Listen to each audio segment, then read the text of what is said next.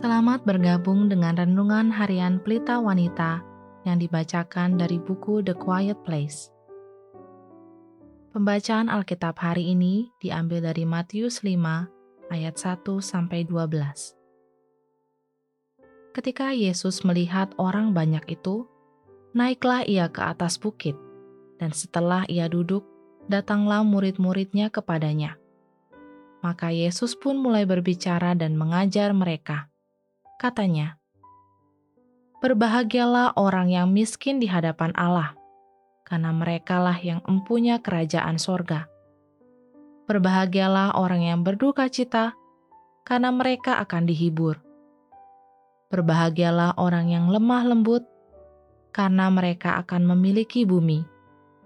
Berbahagialah orang yang lapar dan haus akan kebenaran, karena mereka akan dipuaskan. Berbahagialah orang yang murah hatinya, karena mereka akan beroleh kemurahan.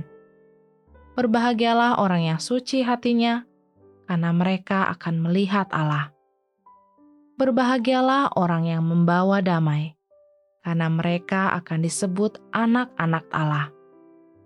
Berbahagialah orang yang dianiaya oleh sebab kebenaran, karena merekalah yang empunya kerajaan sorga. Berbahagialah kamu jika karena aku kamu dicela dan dianiaya, dan kepadamu difitnahkan segala yang jahat. Bersukacita dan bergembiralah, karena upahmu besar di sorga.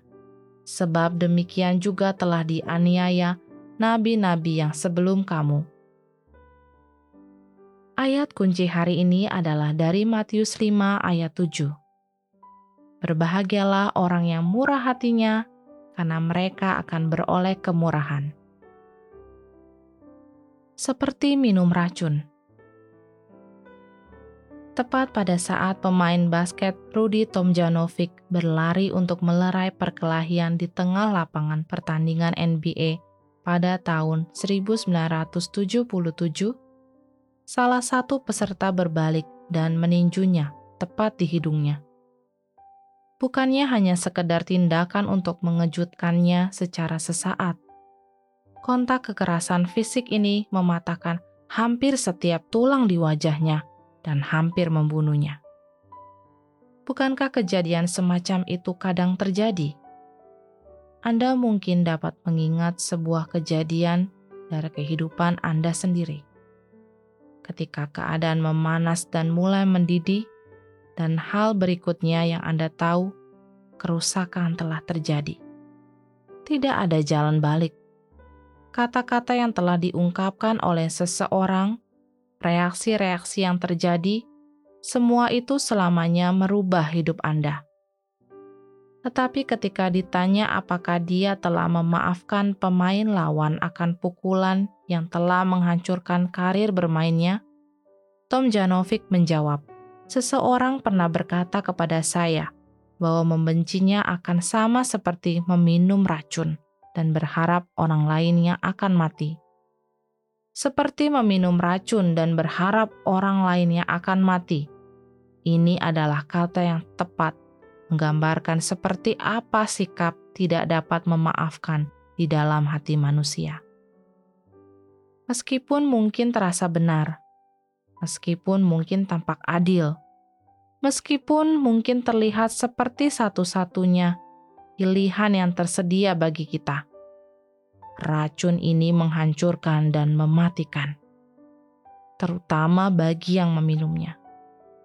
Senjata yang kita gunakan untuk melukai si pelaku menjadi pedang yang mengarah ke diri kita sendiri, menimbulkan lebih banyak kerusakan pada diri kita dan orang-orang yang mencintai kita dibandingkan kepada mereka yang telah melukai kita.